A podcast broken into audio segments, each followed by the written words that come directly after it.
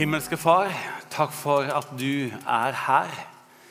Og du er med å gjøre noe i våre liv hvis vi lar deg få lov til det. Du har aldri brutt deg inn, men du har banket på mange dører. Og jeg tenker at du er her igjen, for du er en inviterende Gud som ofte tar initiativet for å gjøre noe godt i vårt liv.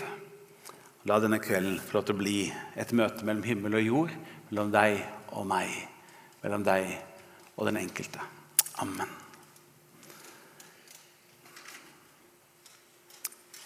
Pessimist og optimist de satt på et svaberg, og de kikket ut mot havet.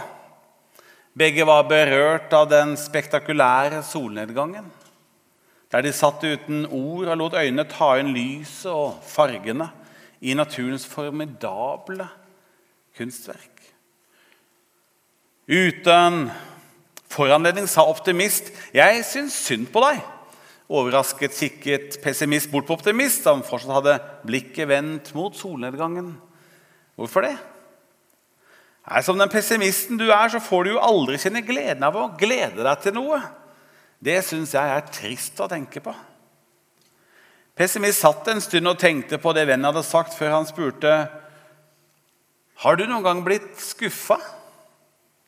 Nå var det optimist sin tur til å bli overrasket. Ja, selvsagt. Det er ikke alltid det jeg håper på skjer. Pessimist nikket ettertenksomt da han hørte dette. Da syns jeg synd på deg. En pessimist som meg vil aldri bli skuffa siden jeg aldri forventer at noe godt vil skje. Så jeg er faktisk det bedre enn deg, siden jeg aldri blir skuffa. Optimist hadde aldri tenkt sånn på det før.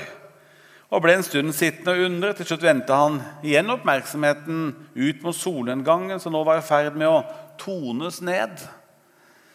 Der ute i horisonten Han kikket og undret.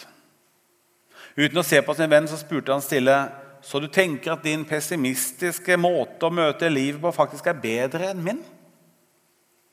Og at du pga. din pessimisme faktisk aldri kommer til å kjenne på sorgen over skuffelse eller brutte håp?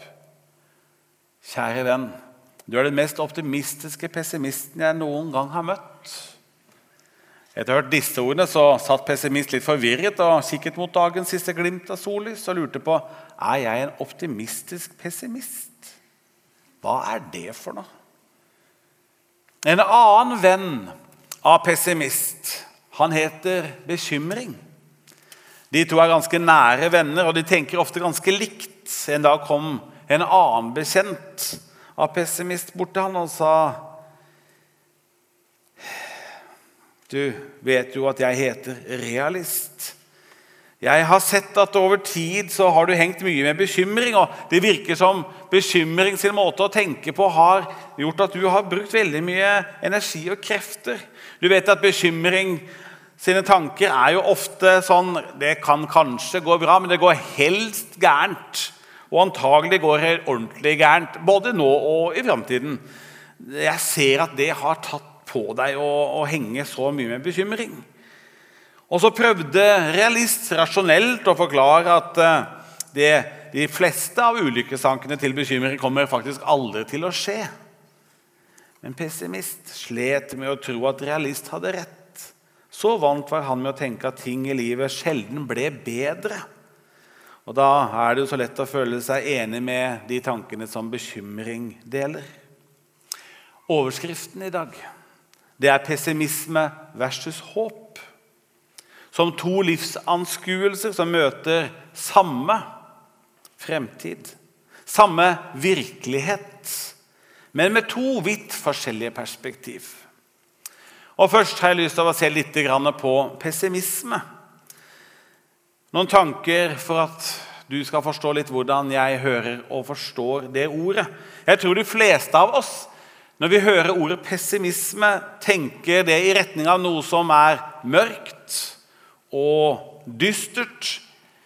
Det blir sagt at en pessimist vil alltid tenke at det er noe ja, Noe av det verste kommer til å skje, høyst sannsynligvis. Og det er antagelig ikke noe bra som ligger der framme og venter.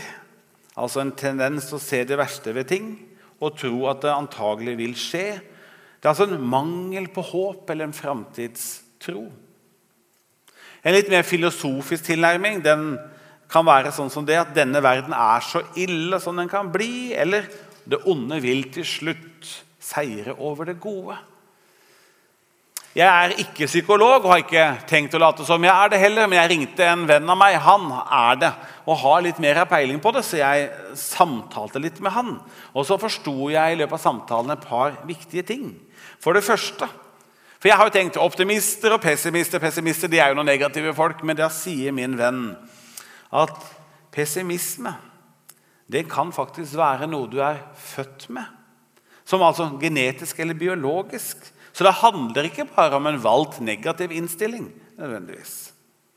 Han sa også at pessimisme kan også formes av det miljøet du er i, og læring.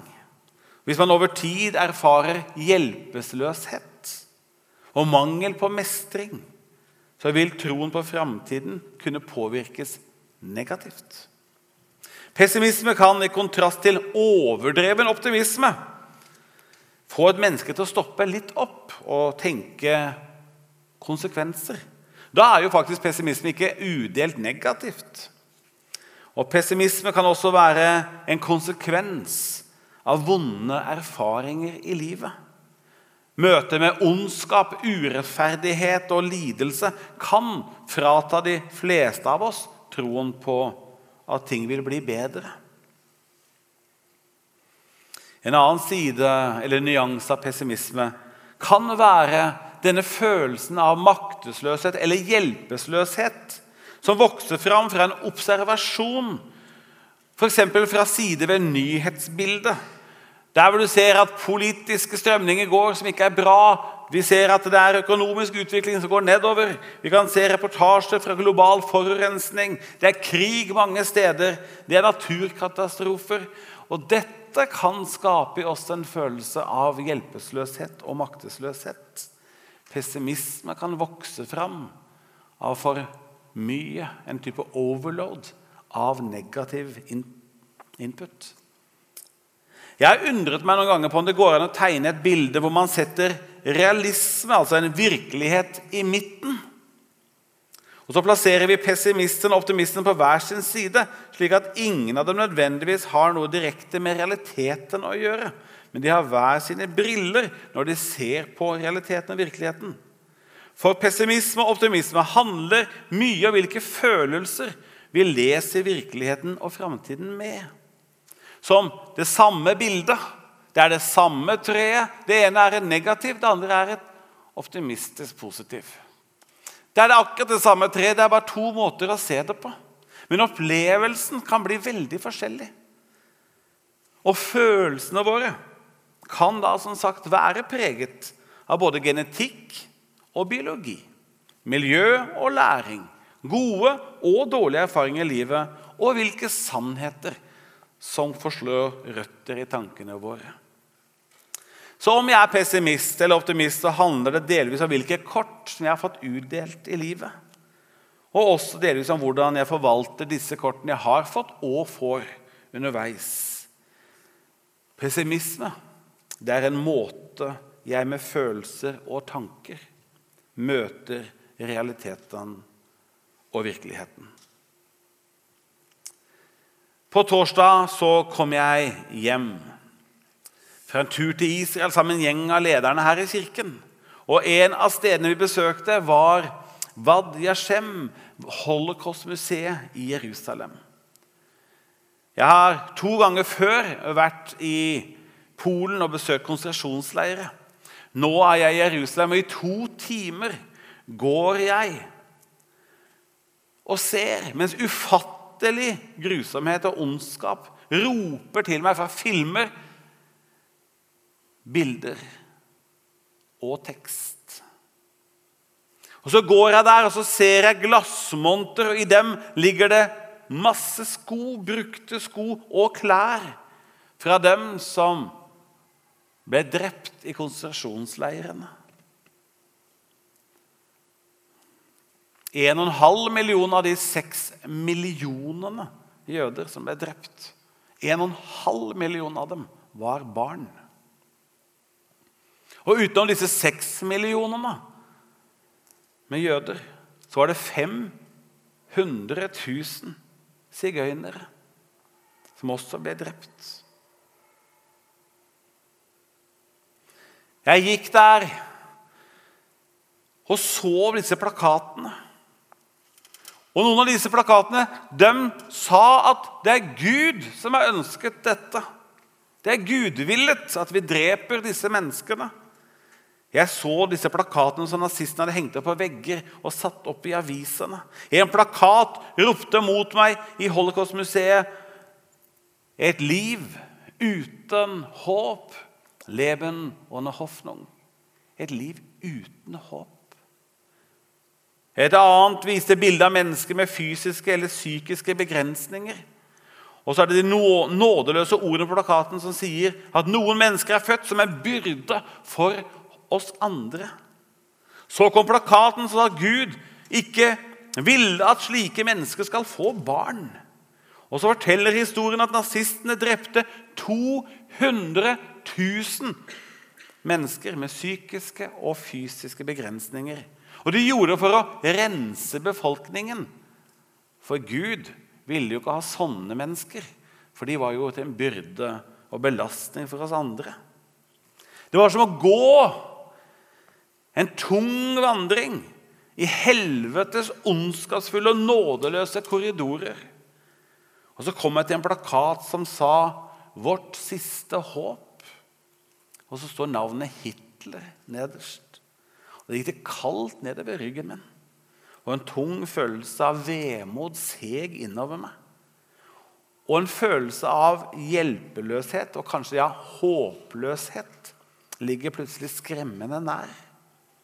Ondskap satt i system. Et grusomt system. Med ett definert mål, og det er å utrydde disse menneskene. Man kan bli pessimist av mindre enn dette overskriften vi har i dag. Pessimisme versus håp. La oss kikke litt på dette med håp. Husk nå at den første kirken, i den første tiden, de var dessverre vel kjent med forfølgelse, lidelse og martyrium. Allikevel har jeg lyst til å kalle den første kirken for håpets kirke. Når apostelen Paulus skulle løfte fram tre av de aller største perspektivene, ordene, begrepene, så sier han tro, håp og kjærlighet. Det er mange store ord, men ingen er større enn disse tre. For disse tre løfter noe fram for oss som er viktig. En liten historie. Rett etter andre verdenskrig så går noen slitte og slitne krigsveteraner årvåkent inn i et rasert og ødelagt hus. Og nede i en kald kjeller finner de noe som har vært brukt som et skjulested for nazismens brutale regime. Men på den grå veggen som flasser Malingen er ødelagt og detter av i flak. Så ser de plutselig at her har en jøde tegnet en stor davidsstjerne. Og så har han risset inn noen ord på veggen. Og det står 'Jeg tror på solen', selv om jeg ikke har sett den skinne på mange, mange måneder. Jeg tror på kjærligheten, selv når jeg ikke kan se eller erfare den noe sted. Jeg tror på Gud, selv om jeg ikke hører Han tale til meg akkurat nå håp. Noen kaller håp for drømmer. Da høres det veldig luftig og lite virkelig ut. Men kanskje de har rett. Men er alle drømmer bygd på fantasi eller noe som er uvirkelig?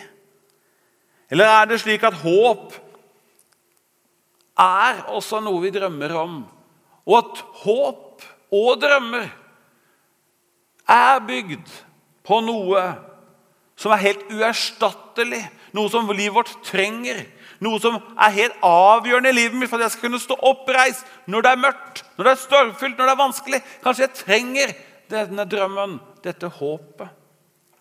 Tror om ikke håp i seg selv er en positiv kraft til å stå opp og se framover når livets utfordringer bare tårner seg rundt meg fra alle kanter. At håp handler om en optimistisk sinnstilstand som er basert på en forventning at det kommer til å gå bra. Tillat meg å helt kort få lov til å løfte fram noen tanker om håp som jeg har hentet fra mennesker som har studert den menneskelige psykologien. En sier håp kommer til sin rett når krisen nærmer seg. Og disse gode følelsene som håp bringer, de kommer fra fire områder inni oss. Det kognitive, altså tanken. Det psykologiske, som handler om følelsene våre. Det sosiale, som handler om relasjonene våre. Og det fysiske, som handler om kroppen vår. Derfor påvirker, sier denne psykologen, håp det påvirker hele oss. Hele livet vårt. Men så sier en annen men håpet vil miste sin kraft hvis det over tid er bygd og basert på noe som er naivt og falskt. En annen sier at håp trenger å være koblet mot et mål. Tillat meg å bruke ett eksempel til fra andre verdenskrig. Det er en jødisk psykolog som het Viktor Frankel. Han satt tre år i et tysk konsentrasjonsleir i Tyrkheim. Han var den eneste i sin familie som overlevde. Han skrev etter sine smertefulle erfaringer fra helvete på jord at den som har et hvorfor å leve for, kan overleve nesten alle hvordan. Og Han setter det opp som et viktig poeng. Han skriver i sin bok 'Man's Searching for Meaning' at håp for framtiden er den viktigste enkeltfaktoren for å avgjøre om mine medfanger skulle overleve nazistenes konsentrasjonsleire under andre verdenskrig. Han skrev 'fangen som hadde mistet troen på framtiden'. Sin framtid var dødsdømt. For med tap av troen på framtiden mistet han også sitt åndelige grep. Han lot seg der forfalle og ble utsatt for mentalt og fysisk forfall, sier Viktor Frankel. Håp, håpløshet. Håpløshet innebærer en tro på at fremtiden ikke vil bringe noe godt, og at man ikke kan evne å endre situasjonen man er i. Hva sier Bibelen om dette? Bibelen snakker ikke kun om håp som en psykologisk ting eller et psykologisk begrep. Den snakker heller ikke om håp som noe som er naivt eller urealistisk, som en optimisme bygd på et luftslott. Nei, Bibelen er tydelig. Den snakker aldri om håp som noe som er å lukke øynene og fornekte en virkelighet. Det kristne håpet er ikke bygd på et desperat forsøk på et luftslott eller en virkelighetsflukt. I Rombrevet 15, vers 13 så står det må håpets Gud Gjennom Bibelen har Gud mange navn. Som den gode hyrde, som skaperen. Han er Messias. Han er kjærlighet. Han er nådens Gud, men han er også håpets Gud. Så står det må håpets Gud fylle dere med all glede og fred i troen, så dere kan bli rike på håp. Rike på håp. Og så står det en viktig ting til ved Den hellige ånds kraft. Og La meg allerede nå understreke noe kjempeviktig. Det er at håpet i en kristen forstand er noe Gud gir, og noe Gud gjør i våre liv. Det er derfor det står ved Den hellige ånds kraft. Det er altså ikke noe vi bygger, det er ikke noe vi prøver å lage. Det er noe vi mottar fra Gud. Noe som Gud gir oss et løfte om. Det ligger en tone i håpet om at dette har jeg lyst til å gi til deg. Dette ligger i din framtid. Dette kommer. I denne mørke natten så har jeg lovt at det kommer et daggry.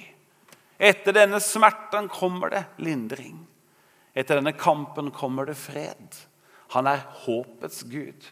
Og Uansett hva slags situasjon du er i i livet nå, så jeg har lyst til å si til deg at denne kvelden, ettermiddag kvelden, så er han en håpets Gud for deg. La meg få lov til å minne deg på noen ord fra Bibelen om håp. Og Nå sa jo Miriam det i stad. I Jesaja 40, 31 så står det Men de som venter på Herren, får ny kraft. De løfter vingene som ørnen. De løper og blir ikke trette. De går og blir ikke trette. Det er sånn det står i norsk. Men i den engelske New International Version så står det litt annerledes. For Her står det 'med de som venter på Herren', men i den engelske står det 'with those who hope in the Lord'. De som håper på Herren, vil fornye deres styrke. De vil løfte vingene som ørnen. De vil løpe og bli, ikke bli slitne. De skal gå og ikke bli trette. De som håper. Profeten Jeremia han sier det ikke dårligere. Han, han gir et løfte fra Gud, en hilsen fra Gud til israelfolket, men også til deg og meg. Jeg vet hvilke tanker jeg har om dere. Og det er ikke tanker til ulykke. Nei, det er fredstanker. Det er framtid og håp. Han har kommet med framtid og håp for deg og meg. Den forfulgte og mange ganger torturerte Paulus skriver til menigheten i Rom Vær glade i håpet. Og så sier han tålmodige i motgang, utholdende i bønn. Og Veldig mange ganger i Bibelen så ser du hvordan håpet er ofte koblet mot motgang og lidelse og utfordringer. Forskning viser at håp oppstår ved sykdom og lidelse. Det er i disse situasjonene i livet vi trenger noe å feste blikket på. Noe som ligger bortenfor lidelsen og det meningsløse. Den kristne har alltid sagt det beste. Det ligger foran. Det beste ligger og venter på meg. Det er også sagt at den kristne sier aldri farvel. Nei, han sier på gjensyn.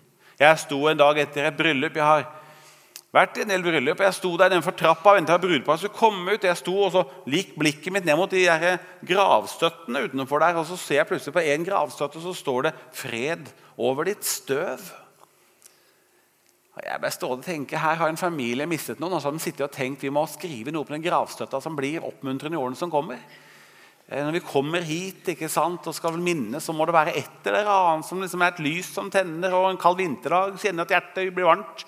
Hva, hva skal vi si? Jo, jeg har kommet på kjempeforslag. Vi skriver 'fred over ditt støv'. Og Det syns jeg, jeg, andre var kjempeforslag. Altså, jeg tenker Det, det lukter ikke mye håp. Fred over ditt støv, da er det slutt. Jeg har sett mange altså, Det er den dårligste av dem alle. Jeg tenker at jeg syns det er noe vakkert når vi kommer til en gravstøtte, så står det et navn, og så står det noen årstall og noen datoer, og så står det 'på gjensyn'. Da skjønner du at den som døde her, døde i troen på Jesus. Og det er et håp om et gjensyn.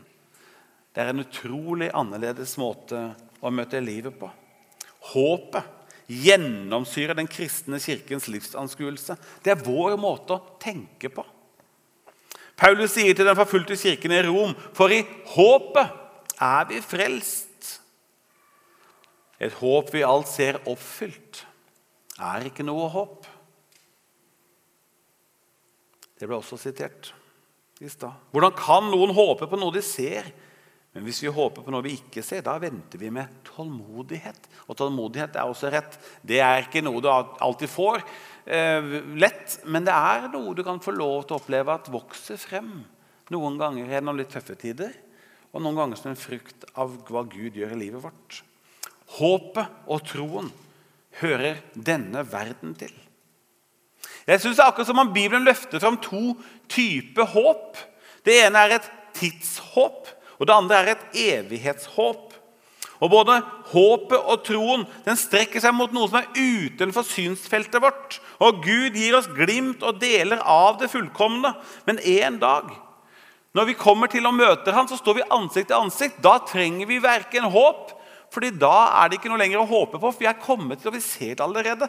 Da behøver vi ikke tro, for da er det ikke henger i det usynlige. Nei, da ser vi han ansikt til ansikt. Men her, mens vi rusler gjennom livet, her i tiden, så har vi behov for både tro og håp.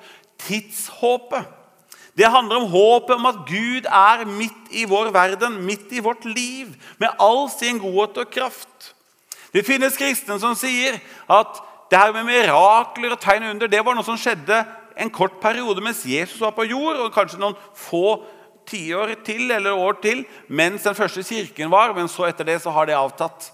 Noen andre sier at nei, himmel det kommer alt når etter Jesus døde og sto opp igjen. Så er det himmel på jord. Så nå skal alt det synden ødela, det skal nå bli totalt tilgjengelig. Så nå skal ingen dø og ingen bli syke. Og vi vet jo at alle de som ble helbredet av Jesus, de døde jo. Ellers hadde de jo rusla rundt der fortsatt. Så det er noe med jeg tenker personlig at jeg tror på Guds rike midt i tiden. Jeg har et tidshåp. Jeg tror at det er ord og løfter og mirakler og helbredelser i vår tid. Jeg håper at Gud med sin godhet og kraft skal helbrede mange flere og sette mange flere bundne mennesker fri og gjøre mirakler i vår tid. Men jeg tror ikke på hele himmelen på jorden. Jeg tror vi noen ganger roter ting til fordi vi som barn ønsker at alt skal skje akkurat nå. Mens Gud snakker om et rike som vil tre frem mer og mer og mer gjennom tiden og inn mot evigheten. Jeg har et tidshåp, men jeg har også et evighetshåp. Det handler om at dødens makt er brutt. At det en dag kommer en dag da Gud vil stilne og stoppe alt som døden, sykdom, ondskap og død har gjort. Jeg tror at Jesus som sa 'Jeg kommer en dag tilbake', vil komme tilbake. Jeg tror på himmelen som mitt hjemland. Og jeg tror at det hjemlandet ligger foran meg lyst og trygt, så at jeg en dag skal gå inn i det. La oss rusle inn i et par bibelfortellinger mot slutten her. La oss smake litt først på håpløshet. Påsken den ligger ikke langt bak oss. Og påsken er historien om både håp og håpløshet. Og når man ser det for deg, ser du de to stykkene som går der borte. Borti skyggen der borte. Begge to er håpløse. De har mistet håpet. Begge to har gjort noe som har gjort at håpet er borte. Han ene han fornekta, han syntes det ble for tøft, så han bannet på at han kjente ikke Jesus. Han sniker seg nå i skyggen. Han andre der borte, han solgte Jesus. For 30 sølvpenger, som er prisen som en slave på den tiden. Han er også nå full av skam. Begge to ser panisk framover og prøver å se et håp. Ingen av dem ser det. Begge to tar nå hvert sitt valg. Han ene som heter Peter, han tenker det er ikke noe håp lenger. Jeg går tilbake igjen til det gamle yrket mitt og blir fisker igjen. Han andre, det er Judas. Han er full av skam. Han har nå skjønt at han har gitt mesteren sin over i hendene til ubarmhjertige mennesker som nå vil torturere han og drepe han. Han er full av skam. Han ser panisk framover etter håp, men han ser ikke noe håp om tilgivelse. Han ser ikke noe håp om forsoning, han ser ikke noe håp om noe framtid. Og da blir denne følelsen av håpløshet så overveldende at han tar et fatalt valg og tar sitt eget liv. Et liv uten håp fører til død. Peter han blir heldigvis innhentet av håp. På stranden i Johannes kapittel 21 kan vi lese om det. Der er den håpløse. Han blir innhentet av den håpefulle. Den håpefulle som er håpets gud. Og Peter kan nå igjen få se framover med håp. Og så blir han denne lederen, denne inspirasjonen, denne kilden til liv for en ung og forfulgt kirke. La oss smake litt på håp. Merk at håpet i Bibelen er ikke et blindt håp. Det er ingen steder det står at man prøvde å benekte eller fornekte den utfordringen eller virkeligheten eller vanskeligheten eller krisa man sto i. Nei, man så det rett i øynene. Så håpet, det gikk igjennom dette som var vanskelig. De henger på korset. De er tre stykker den dagen. Det er én på det midterste treet, og så er det én på andre siden. Han sier en av de skriftene som ikke ble med i Bibelen, en av disse her apokryfe skriftene som heter Nikodemus' evangelium. Han sier at denne ene mannen ble kalt for Dismas. Han henger der, og han er i ferd med å dø. Dette er total håpløshet. Og han vet han har gjort et eller annet gærent, så han fortjener det til og med. Og Det er i denne håpløse situasjonen mens livet er i ferd med å renne ut, at han løfter blikket og ser på han på det midterste treet. Og så sier han noe som egentlig ikke sier noen ting om håp. For oss er dommen rettferdig, sier han. Vi får bare igjen for det vi har gjort. Men så ser han på den mannen, og så kjenner han han igjen. Han har ikke gjort noe galt, sier han. Og Så ser han på den midterste mannen på treet der, som er Jesus. Og Han kjente han igjen. og Jeg vet ikke om Dismas har stått der tidligere i skyggen og sett eller hørt på når Jesus underviste. Stått der borte i skyggen og lurt på når Jesus helbredet en syk eller befridde en fra det onde andre. Jeg vet ikke, men han visste i hvert fall hvem Jesus var. Og denne dagen når han er i ferd med å dø, så skjønner han at denne mannen han er ren og rettferdig. Det er håpløst. Han er i ferd med å dø. Men så kommer det én setning, og den bærer en liten tone av håp. Og han sier, 'Kan ikke du tenke en tanke på meg?' 'Husk på meg når du kommer i ditt rike.' Det er rart når håpet kommer. Det kommer noen ganger litt overraskende. Og hvem hadde vel trodd at det var håpet som hang på korset? Håpets Gud, naglet til et kors. Men håpets Gud kikker over på Dismas og sier, 'Sannelig sier jeg deg, i dag skal du være med meg i paradis.' Håpet kommer noen ganger uventet. Han andre, han var sånn som mange av oss andre. Han var også i ferd med å miste livet, og han var også i en håpløs situasjon. Men han sier, 'Er ikke du Messias?' Hvis du er det, så redd deg selv og oss. Han ville ha Guds løsning her og nå, sånn som han selv ville. For han hadde et tidshåp og prøvde å tvinge Gud inn i det. Er det ikke litt sånn som vi ofte kan prøve å gjøre også? Må ikke høre meg feil, for Jeg tror det er mange løfter i Bibelen som handler om tidshåp. Som dine dager skal din styrke være. Se jeg med deg alle dager inn til verdens ende. Du dekker et bord for meg like foran øynene på mine fiender. Kom til meg, alle dere som strever er tungt å bære. Jeg skal gi dere hvile. Fred etterlater jeg dere. Min fred jeg dere. Ikke den fred som verden gir. La ikke hjertet bli grepet av angst og motløshet. Og disse tegn skal følge som tros legge hendene på de syke, og de syke skal bli friske.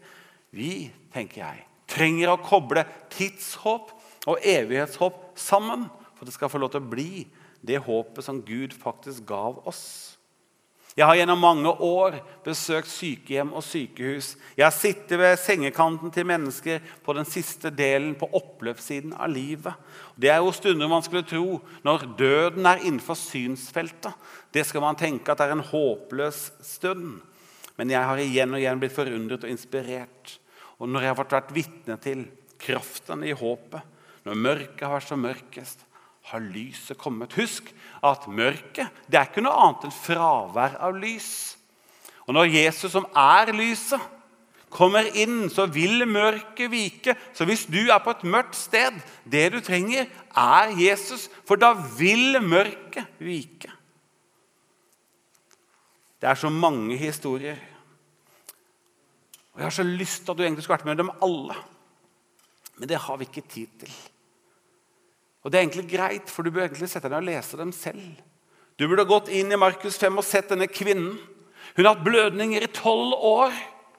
Hun har vært hos legen, brukt alle pengene sine, det har blitt bare verre og verre.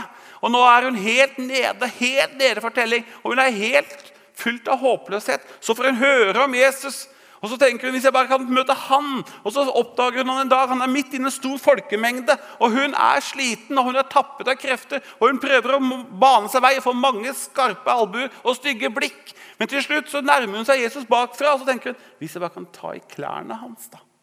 Og så tar hun tak i kjortelen. Og så merker hun umiddelbart at noe skjer, og blir forundret. Hva er dette for noe? Hun kjenner at hun blir helbredet, og så plutselig oppdager hun at det er helt stille. Og så hører hun en som sier, 'Hvem tok på meg?' Og hører jeg også disiplene si at de tar på det alle sammen. De lytter for alle kanter her. Det var en som tok på meg, sier han. Det er Jesus som spør. Da skjønner hun det er meg. Så hun går bort og kneler ned og sier det var meg. Og Kanskje hun var redd for å få kjeft, men hun får ikke kjeft. Han ser på henne og sier, 'Datter, din tro er frelst. Du er frisk.' En annen dag så kommer det en mann. Han er ikke ønsket, han er ikke likt. Han var en av disse brutale romerne som har okkupert folk og drept en hel haug av jødene. Nå kommer han, og han har også opplevd håpløshet, for han har en tjenestegutt hjemme som er lam og full av store smerter.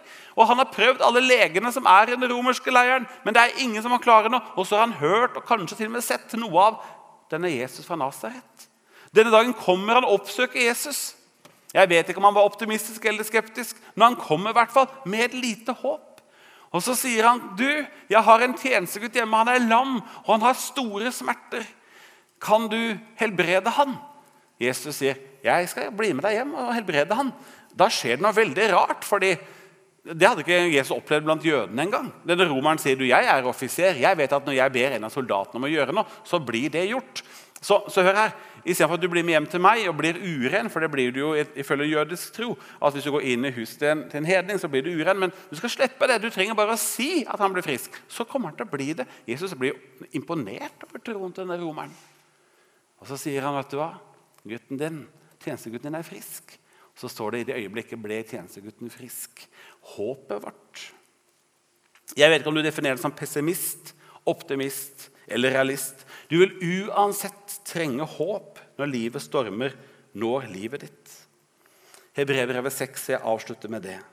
Så står det at dette håpet det er et trygt og fast anker for sjelen. Og det er ikke festa i oss selv. Det er festa i en som er mye sterkere. Han som har gitt oss håpet i utgangspunktet. Så hvis du er her og kjenner på bekymring når du ser krig og ondskap rundt om i verden Hvis du er her som kjenner på motløshet i møte med forurensning og mislighold av skaperverket Hvis du er her som kjenner på håpløshet i møte med sykdom, med sorg, med savn Eller du står midt i ødelagte og skadede relasjoner Kanskje du er midt i krevende prosesser i ekteskap, familierelasjoner eller jobbrelasjoner. I dag vil jeg minne deg på at Gud er fortsatt håpets Gud. Og han kan forandre ditt liv. Det kommer en ny dag etter natten.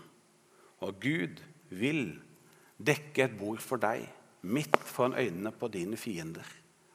Der hvor kampen din står, vil han komme. Du skal ikke være så redd.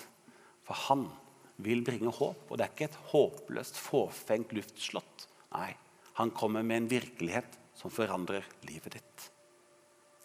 Himmelske Far, kom og berør oss alle denne ettermiddag kvelden med ditt håp.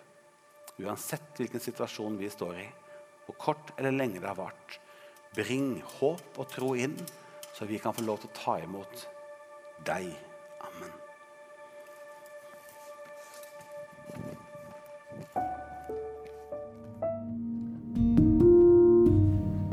Du har nå hørt en podkast fra Filadelfia-kirken i Oslo. Vil du vite mer om oss, gå inn på filadelfia.no. Og ikke minst velkommen til å feire gudstjenester med oss hver eneste søndag, enten fysisk eller online.